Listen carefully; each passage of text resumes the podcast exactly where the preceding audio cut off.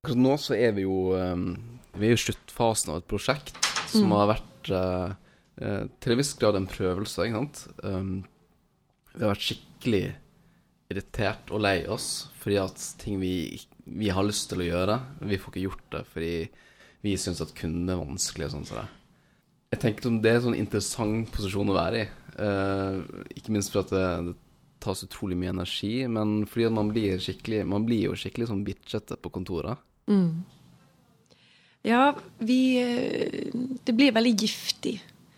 Eh, Fordi det å forenes rundt et felles problem knytter oss jo veldig tett. Og det kan virke styrkende innad i et team. Det kan faktisk virke mobiliserende. Men det kan også virke ekstremt ødeleggende for eh, motivasjonen og fremdriften. Så vi i sånne situasjoner der vi merker at vi føler vi slåss, eh, og vi føler vi fortjener mer støtte og mer gjennomslag, så har vi en veldig sånn naturlig mekanisme som heter la oss bare La oss bruke denne giften til å holde hverandre i hendene med. Og det er mm, sånn pinlig menneskelig, da. Eh, Men samtidig noe vi er nødt til å være veldig forsiktige med for vår egen del. Og for kundens del.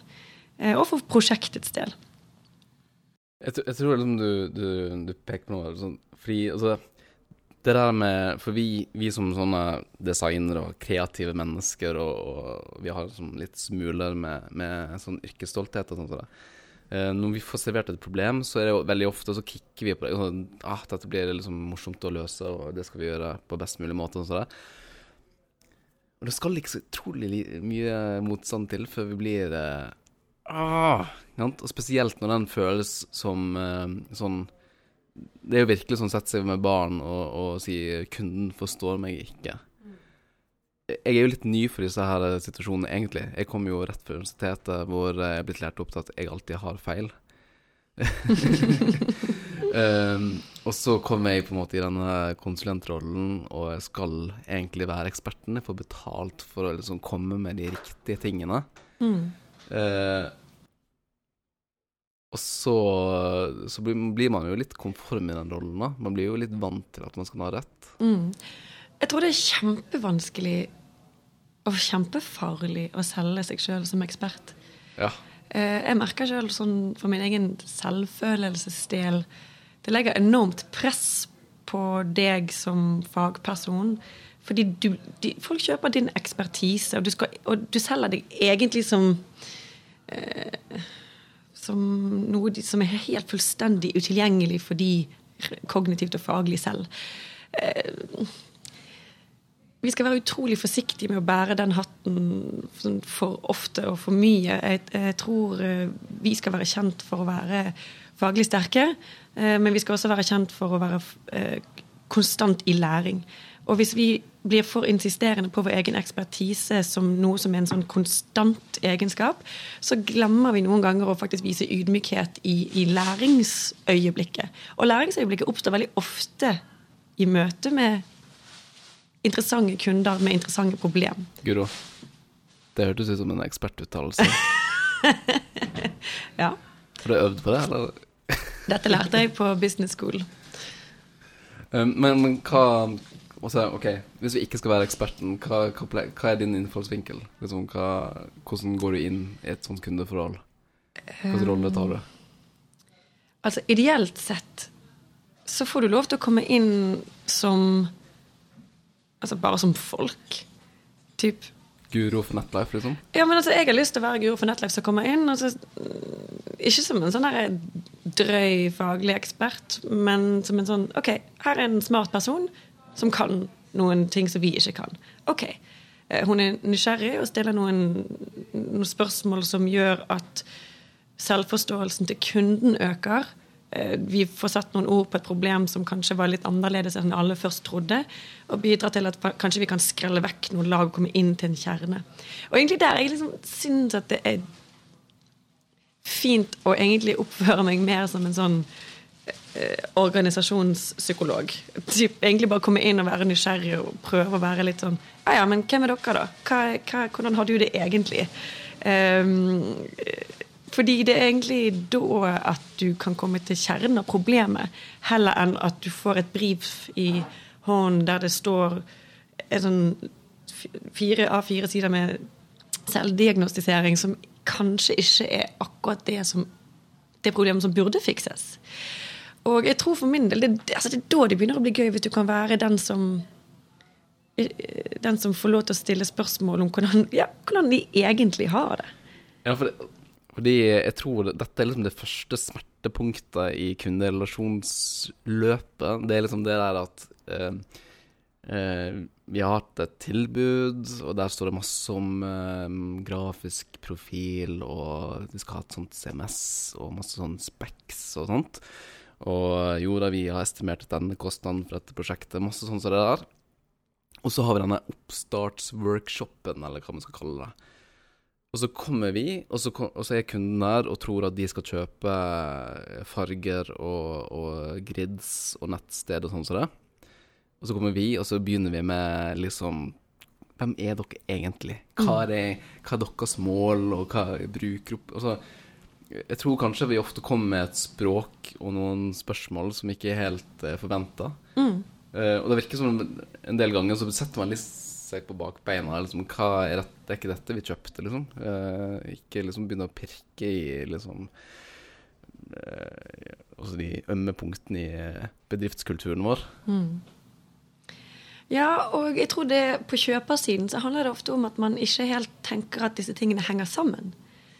Og så tror jeg at veldig mange i Netlife jobber ut ifra en idé om at alt henger sammen med alt.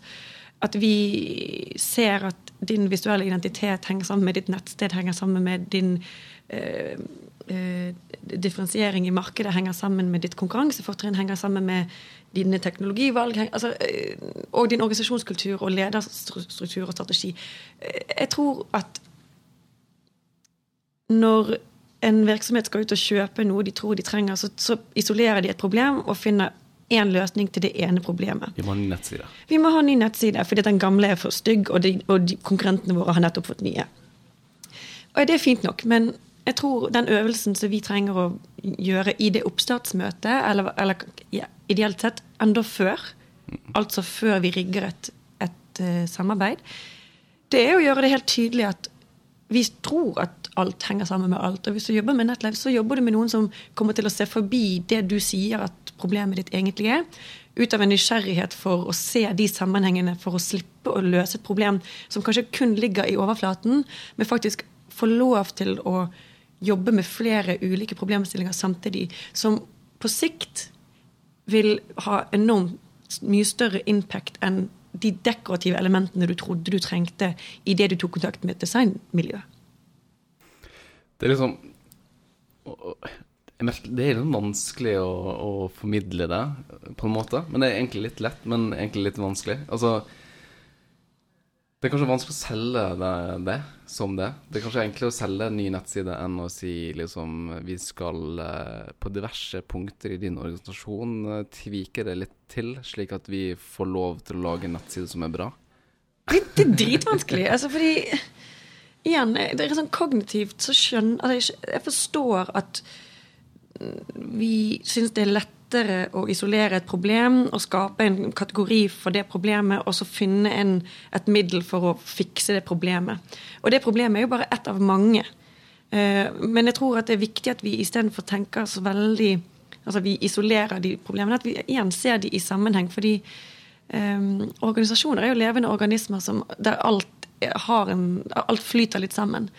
Um, og, men jeg, samtidig så skjønner jeg veldig godt at at IT, snak, IT snak, har et IT-problem, og strategi har et strategiproblem, og så har, sitter HR og tenker på noe helt annet. Men jeg tror at de nye organisasjonene kommer til å anerkjenne disse tingene i mye større grad. Jeg tror de nye organisasjonene kommer til å være mindre og mer integrert. Eh, som for Hva er de nye organisasjonene for noe? Nei, altså de, de yngre altså Vi ser jo det allerede. De, de, de selskapene med lite legacy som på en måte orienterer seg etter markedsstrukturene som er i dag, som, som, noen, som har noen helt andre eh, designkriterier for organisasjoner. For kult, altså, det er kunnskapsorganisasjoner som, er, eh, som trenger å tilpasse seg langt hurtigere til endringene i markedet. Det setter noen helt nye krav til valg av teknologi, eh, hvordan, du, hvordan din strategi er, eh, er, bygget opp, hvordan det igjen påvirker din arbeidskultur, hvordan det igjen eh, gjør at du blir i bedre stand til å tilpasse deg endringer i markedet. Um, og jeg tror at Og det er ikke, det er ikke, altså, det er ikke startups, det er nye organisasjoner som skal um, ja, imøtekomme et helt, et helt nytt marked, både på kjøpersiden og i et konkurranse, nytt konkurranseklima. Og det syns jeg er grådig interessant å se på, fordi de tingene som vi leverer av tjenester i Netlife, er jo toucher jo bort på alle de tingene. Fra der jeg står. Har du, et, eh, har du et, bra eksempel på, på det? Altså, altså Hvor vi kommer inn i en ny organisasjon versus en gammel. Kanskje ta en gammel. Det, er det, det, det, det som er også, Det er ofte der de ømme tingene oppstår. da. Mm. Møte med gamle organisasjoner som innser at de eh, må fornye seg litt. Ja, OK. Ta, eh, nå jobber vi med et forsikringsselskap eh, som har eksistert i mange, mange, mange år. En bauta og en sånn Det lyser bare sånn troverdighet av merkevaren.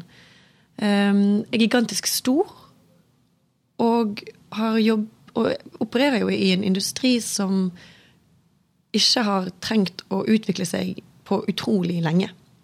Og det som skjer nå, er jo at nye, mer lettbeinte, friske forsikringstyper eh, de starter egne byråer. Eller de, ligner egentlig mer på byråer enn måtte, selskaper i den klassiske forstand. Og gir, kommer til markedet med et helt nytt value proposition med, med sånn små mikroting. Alt er digitalt. Eh, mye, mye mer fokus på selvbetjening. Det er de nye forsikringsselskapene som vi har uh, kikket på, de har, de har, der er det tolv mennesker ansatt. Uh, og har en, en, en, kundebase i ekstrem vekst.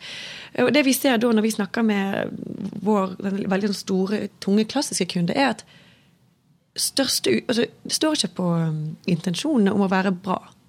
De er der. Men det er den vanvittige, tunge sosiale politikken internt som, som er legacy fra mange mange år tilbake, som, er, som er, kommer til uttrykk i en organisasjonsstruktur der utvikling og, og uh, drift er fullstendig frakoblet. Der privat og bedrift er fullstendig frakoblet. Der helt, de er bygget opp så ekstremt tydelige uh, interne siloer som gjør det utrolig vanskelig å ta ut verdien av de menneskene du rent faktisk har ansatt, og hente ut potensialet i de ideene som bor internt. Og det er jo utrolig interessant å se på markedet i ja, de, de, i de nye organisasjonene, da, i den samme bransjen, som, som, bare ser det at ja, men fuck it, vi kan gjøre det. Vi ser at folk trenger å forsikre golfkøllene sine. Ja, ok. Det er kanskje ikke den store massen, men det er nok av de til å kunne tjene penger på den direkte. Ok, ja, men så er det det vi gjør. Um, og det er veldig interessant å se hvordan det faktisk setter uh, fyr under reven på, på, de store og faktisk tvinger de til å gjøre noe nytt, men samtidig ser hvor utrolig langsomt uh, hvor, lang, hvor, lang, vei det er å gå for å faktisk påvirke det kulturelle på baksiden av sånne organisasjoner.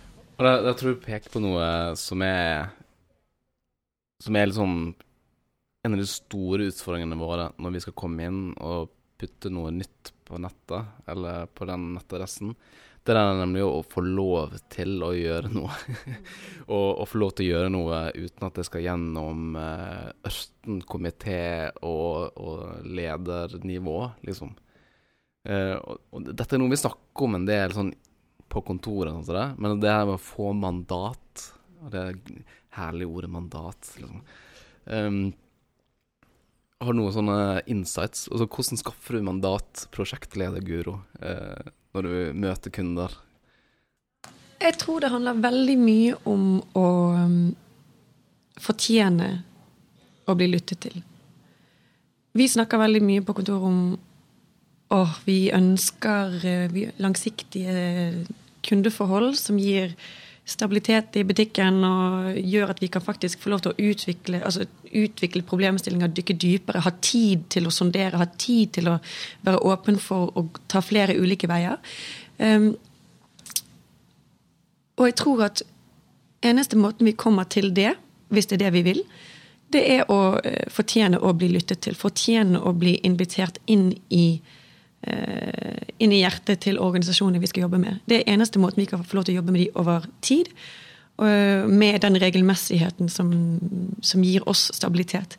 Um, Jeg tror at det, det å starte et samarbeid med et vellykket, kanskje mindre forprosjekt, eh, er noe som vil gi oss anledning til å demonstrere ekspertise, uten å selge oss inn som verdensledende innenfor det vi gjør, men komme inn som folk som kan noe, stille spørsmål, være nysgjerrig, vise at vi kan produsere, vise at vi kan undersøke, vise at vi kan analysere. Levere godt på et, um, et, et forprosjekt, og la det være bæreren av vår verdi. Vise umiddelbart at det kan ha en direkte positivt impact på, det, på den på den retningen som vår kunde ønsker å, å, å gå i. Jeg tror den, Hvis vi gjør det godt, så er det måten til å skaffe det mandatet som heter 'la oss få lov til å gjøre mer', fordi det dere holder på med her, er spennende. Men det er jo sånn da at um, uh, Altså det høres sånn Altså for, forprosjektet høres umiddelbart lurt ut. For det er litt sånn prøve prøve varen før vi faktisk liksom skjenger i eh, Mm. masse penger og, og tid og sånt. Og det er på ingen måte heroin-approachen. Den, den er ikke gratis heller. Litt, Ja, det er litt. Det er litt heroin-approachen. Men, men, men, men eh, det er jo også sånn at uh, i en del sånne prosjekter så er det sånn at det tar litt grann tid å forstå hverandre. Og, altså, for det er et eller annet med kjemien, som du sier, også at eh, vi kan, kan jo hende at vi kommer litt brautende inn og er litt verdensmester og, og har svarene på forhånd og sånn som det. Og ikke kanskje helt satt oss godt nok inn i, i der, dit vi kommer. Og da, da er, forstår jeg veldig godt at på den andre siden så blir man litt sånn eh, hva, er det, hva er dette for noe? Kommer de og liksom tråkker på alt vi har gjort og sier at det er dårlig og sånt? Det var ikke helt det vi hadde tenkt at vi skulle få høre. Og så er det litt sånn kniving og sparring og, og, og grå hår og sånn. der. Men så kommer man seg over en eller annen kneik hvor man ser at man faktisk har løst et problem, og kanskje til og med gjort det sammen, til tross for. Og den, den tar av og til litt tid, gjør den ikke det? Kommer vi da videre hvis vi bare kjører et forprosjekt? Eh, Jeg tror ikke det finnes et entydig svar på det. Jeg har opplevd, at, jeg har opplevd noen forprosjekt som bare er som bare er rolig sjø og helt fantastisk fra start til slutt. Og så er det noen eh, helt sånn katastrofale forprosjekt som bare lyser av at ja, vi tok oss ikke god nok tid. Vi, vi, vi, vi overdimensjonerte forprosjektet. Vi fikk ikke anledning til å gå til å tilføre nok kvalitet i de oppgavene vi skulle løse. Um, og jeg tror, eh, jeg tror vi kommer til å fortsette å oppleve begge deler. Men det vi trenger å tenke på, er hvor er det vi kan påvirke? Vi, hvilke variabler har vi kontroll over? Jo, vi kan, være, vi kan påvirke vår eh, selvbevissthet. eh, Vi kan påvirke måten vi presenterer oss sjøl. Vi kan designe en bedre prosess fordi vi lærer hver gang. Eh, Vi kan dimensjonere bedre. Vi kan scope i forhold til en oppgave som vi vet vi klarer å levere på. Og for vi får ikke betalt for gode intensjoner hvis vi overlover og underleverer. Um, så jeg tror vår fokus alltid kommer til å være på det med å lære for hvert prosjekt, og sørge for at de forprosjektene som vi gjør, og store prosjektene som det leder til, hele tiden blir bedre. Så jeg tror ikke det, det fins ikke eh, noe, noe sånn gylne kanter på dette her. Annet enn at uh, vi, vi er bare folk som løser oppgaver, som løser problem, som er nysgjerrig på problem, og har en rekke kompetanser som vi anvender for å gjøre det. Og vi prøver å gjøre det grundig, vi prøver å gjøre det godt.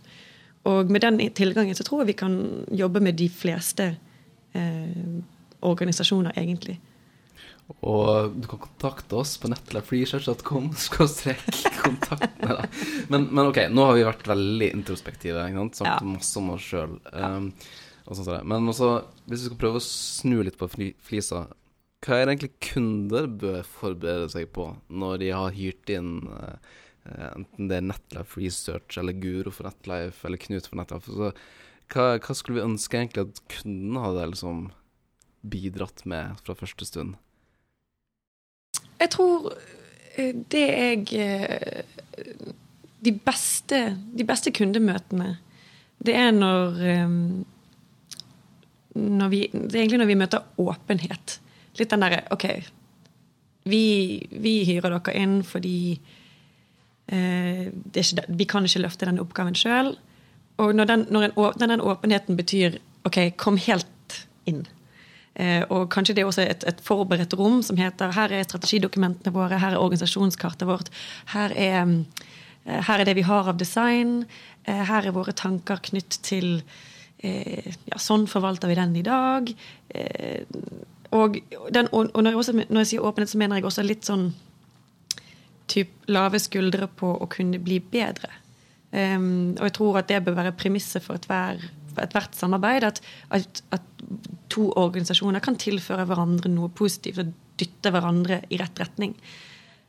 Det er ingenting som gjør uh, Guro så glad som når du kommer inn i et rom, og så ligger strategidokumentene klare. Å, jeg blir så glad. Ny, nettopp printa ut med Liker du binders, eller foretrekker du stift? Stift. Stift, mm. nettopp. Mm. Take note. Uh, For flyr, De flyr ikke fra hverandre, kan bare putte det rett i vesken. Utrolig deilig. Egentlig så vil vi ha strategidokumenter i HTML på nett, er det ikke sånn? Ja, der tråkket jeg i min egen salat. um, ideelt sett selvfølgelig så skal man jo anerkjenne at uh, strategi er ferskvare. Det er ikke et uh, støvet dokument i en uh, Veldig ofte så er det jo et pseudodokument. dokument. Ja, men i dag burde ikke det være det. Det, det, er håpløst og, og har ingen nytteverdi. Um, hvis ikke du får aktivert strategien din inn i organisasjonen og skaper forankring for den, og forståelse for hva i alle dager den rent faktisk betyr for deg som medarbeider, så kan du bare ta lang løpe for å drite i den. Hva, hva, er du, hva, er det du, gjør da med de støvete dokumentene som ligger klart til deg på bordet når du kommer inn i oppstartsmøtet? Altså Hvis det er et så bokstavelig case, så eh, vil jo jeg vise respekt nok til å sette meg inn i, i cellulosen som ligger der. Hva ser du etter? Hva jeg ser etter? Ja. Mm, jeg ser etter først og fremst de, hva, hva de mener med de, med de øh, sånn vage, øh, vage makrolinjene som alltid står på første ark. Altså, hva, hva, mener du med 'bli bedre'? For det er jo det som står i en strategi. Hva i alle dager betyr det for deg? Enten bli bedre, eller vi skal være de beste. Ja, vi være skal være de beste. Foretrukken leverandør. Ja, men selvfølgelig. Hvem i alle dager vil ikke være det? Uh, men hva betyr det? Og, og, og, fordi strategi er jo endring. Strategi er jo et, et eh, virkemiddel for å styre endring. Og du bryter det ned på noen målsetninger og noen aktiviteter som skal dytte deg i den retningen. Men stort sett så er det bare fluff som ligger der, som angår en toppledelse som egentlig, egentlig er en formidling av en toppledelses ønske. Altså noen drømmer som de har. Mens de som sitter og skal levere på de målene, eh, føles gjerne ofte ganske frakoblet fra de målene. Og da tenker jeg at eh, i dag mer enn noensinne så er det viktig å sørge for at eh, den, de målsettingene er noe som angår de som skal levere på den. Hvis ikke så sitter vi og, har rett og slett bare ubrukelige strategier strødd rundt i organisasjonene. Og, eh, og, det har ikke vi råd til, fordi at eh, endrings, endring, din endringskraft som virksomhet har aldri vært viktigere enn den er i dag. Men så er det også sånn at Det er litt sånn rart, fordi ja, det er jo ofte sånn at uh, du har et støvete dokument med strategien som ligger i en skuff, og så har du den måte hverdagsvirkeligheten som alle som jobber i en organisasjon forholder seg til, med helt andre sånne rammer og, og motivasjoner osv. Men så kommer vi inn da, og skal starte et nytt prosjekt, og så må vi forholde oss til den strategien og veldig og sånn operasjonalisere ut ifra den. Og sånn, så jeg lurer på om det er ofte der kanskje den der eh, litt sånn klinsjen skjer, da. Når vi kommer med et prosjekt som kanskje begynte å planlegges ut ifra en strategi og noen målsetninger for bedriftene og sånn, og så begynner vi å skal forholde oss til de som faktisk jobber med dette hver dag. Så man ofte har en helt annen virkelighet og helt andre behov og, og erfaringer. og sånn. Uh, og det tror jeg er et sånn veldig kritisk punkt, da, hvor uh, det gjelder å være litt sånn vet ikke, nysgjerrig, spørrende først. Ja, og jeg tror du er inne på noe grådig viktig der. fordi at altså, faen heller, det er jo bare det er jo hverdag. Det er jo timer. Det er jo, det er jo tirsdager hele året. Og jeg tror at hvis du har en strategi som kun gjelder for eh, topp 1 av, av virksomheten din, så, så, har det ingen impact. Eh, og jeg tenker at det er utrolig viktig som du sier, å, å, være lyttende til de som skal levere på det. Og noen ganger så er kjøperne våre de som skal levere på det. Veldig ofte så er kjøperne våre mm, IT- eller kommunikasjonsavdelingen, eller de som driver med markedsføring, eller de som sitter og ja, har en direkte dialog med kundene sine. Eh, og noen ganger så, utgjør de også bare en liten prosent av en stor organisasjon. Eh, og jeg tror at det er utrolig viktig å lytte til den hverdagen som de har. Og i, særlig i tilfeller der vi snakker med store organisasjoner der kjøperen er en, en, en minoritet, eh, at vi spiller de gode. At vi sørger for at den intensjonen de har, den anerkjennelsen de har om at brukervennlighet er et konkurransefortrinn. Eh, Det å være sterke, sterk på digital kommunikasjon er et konkurransefortrinn. Men så må vi løfte den agendaen internt i de organisasjonene. Det, det som er interessant å si, er fordi um, den der jobbe med store organisasjoner-biten um, Hvis du er en som jobber i en stor organisasjon med Netlife eller andre konsulenter, uh, så er det faktisk ikke så dumt å, å liksom lage en sånn man si, en slags arbeidsfordeling nå. Um, og dette her gikk opp for meg, eller det ble gjort opp, opp for meg for noen dager siden. Det her med at uh, man kan la oss være liksom skyteskiva. Eh, vi kan stå til rette for uh, støff og sånt overfor ledelsen. Og så, og så kan du liksom bare slappe av, og så være kommunikasjonsavdeling og sånn som det, og gjøre konstruktivt arbeid. Eh, og det tror jeg Det er sånn jeg tenker vi skal være litt flinkere på, da. Altså, Vi er litt sånn ømme og hårsåre i Netlife Research, sånn bak fasaden. Ja, vi er litt, si det, altså. vi er litt sånn fragile. Eh, Så dette her er også organisasjonspsykologi Ja, ja. på podkast for Ja. alle. Ja, men nå, nå sitter jo vi begge her to og ser på hverandre med gigantiske headset på. Det, det ser ut som vi går, går med hjelm akkurat nå. Ja. Og eh, ærlig talt er det noe jeg faktisk ofte bruker Eller bruker når det er situasjonskorrekt, holdt jeg på å si. Um, der jeg, i, akkurat disse casene, da, der jeg vet at ok, du kjære kommunikasjonsmann, du slåss oppover og til siden hver dag fordi du irriterer deg over at ting ikke blir gjort, ting tar tid, det er mye byråkrati. Og da sier jeg til han ja, men nå, nå har vi en, en glitrende mulighet til at vi Altså, vi er ditt skjold. Bruk oss som en plog eh, internt. Si vi bruker masse penger på disse folkene her. Så hør hva de har å si. Bruk, eh, bruk oss som et, sånt, et vessel for dine ideer. Eh, bruk, altså, la, og la oss pløye veien for at dere faktisk kan gjøre en reell forskjell her. Og det, det møter jeg med stor takknemlighet, fordi det er jo også altså Selv om det er tjenestene våre de kjøper som i, i, um, i det vi leverer som en digital tjeneste, så er det også noen tilhørende tjenester der som ligger litt i, sånn, i skyggeland, som jeg syns vi kan også aktivere i, i stor grad. For vi, vi kommer inn, roter det til, selger endring, gjør ting bedre. Noen ganger så trekker vi oss ut når det er ferdig. Noen ganger så blir vi ved, fordi at den endringen er ønsket over tid. Og under alle omstendigheter så er, så er det noe veldig eksplosivt ved det å være ekstern. Og det er noe vi, eh, vi har, har ansvar for å måtte aktivere i enda større grad når vi, er når vi er inne i organisasjoner. Og det er grådig gøy. Det, Ja. For det er litt altså, da, er vi, ja, vi er da blir vi litt de der kaospilotene. Ikke sånn Oi, Århus kaospilot. Au, au, au. Sorry. Um, hva, hva skal vi kalle det? da? Hva heter de som skyter seg ut av fly? Uh, fallskjermjeger. Ja, ja, ja ok, uansett. Vi blir, altså, det er litt punk av det, da. Det er litt Ja, det sånn farnivoldsk. Altså, det er litt sånn ok, fuck it, nå kommer vi inn, og så røsker vi rundt i det, i det som er her. Eh, prøver å forstå det, prøver å sette det i system, prøver å eh, sette det i nye systemer, de du trodde at var bra fra før. Og så ser vi hvordan det går. Og det krever jo en, en, en, risikovillighet, og det krever jo at folk er med på den reisen, men fuck it, det er, det er grådig gøy når vi, når vi får lov til å jobbe så fritt. I hvert fall eh, å se tilbake på det. Ja. Har levert. Ja, I det kan det føles som, et, ja, som om det brenner, men Vi sier ofte det i sånn opptaksmøter at ja, det skal gjøre vondt. Og så sier vi sånn litt sånn ha-ha-ha, og så plutselig gjør det veldig vondt. ja, det er lett å angre på å si det. Da blir det mye sjokoladepudding på, på kontoret. Ja, Og det er greit, fordi at ærlig talt, det, det, men det syns jeg er viktig, da. Vi, eh, vi, vi, skal, vi skal ha den rollen. Det skal, det skal gjøre vondt, fordi at endring, endring gjør vondt. Eh, Det, det smeller jo inn i smertefeltene i, i hjernen. Og det tror jeg det, det er så universelt at vi skal anerkjenne det ansvaret vi tar på oss, så lenge vi ønsker det mandatet, så lenge vi ønsker å være endringsagenter, eller hva du vil kalle det, i våre kunders organisasjoner, ja, men så koster det. Da koster det litt, litt svette og grining og litt, eh, litt blod og litt eh, traumer. Men det er det vi har signet opp for. da. Og det, kan, og det trenger ikke være Altså, det blir godt etterpå.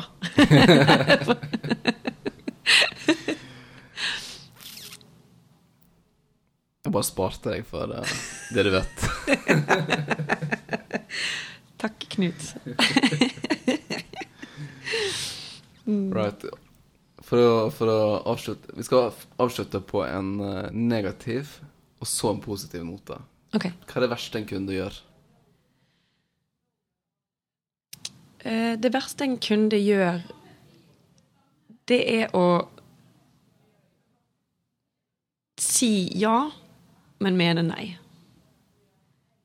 Den inkonsistent, den, det inkonsistente mønsteret gjør oss utrolig Gjør at vi leverer dårlig arbeid, rett og slett. Så det er jo et uttrykk for mistillit veldig ofte. Um, og kanskje umodenhet på kjøpersiden. Kanskje de ikke har kjøpt design før. Kanskje det, kanskje det føles litt rart. Men den inkonsistenten bidrar til at det vel, blir veldig vanskelig å, å, lese kunden, og veldig vanskelig å forholde seg til kunden. Og jeg har kanskje vært uh, litt inne på det allerede, men hva er det som absolutt beste en kunde gjør? Hva er det som gjør deg oppriktig happy? Det er når eh, Nei, det var når det er fete folk. Vet du hva? Det, det, det, er når det er fete folk som er Som er litt sånn herre Som ikke tar seg sjøl for seriøst. Som vet at herregud. Det er bare, vi er bare folk som syns at, det, som syns at eh, det de holder på med, er interessant, som syns at det vi holder på med, er interessant. Og på en måte gå inn i et samarbeid med litt mer sånne, litt lave skuldre. Det er det feteste. Da blir det gøy for alle. Så fete folk, det er det beste du kan jobbe med. Og med det, takk for at uh, du hørte på podkasten Delete av Netlife Research.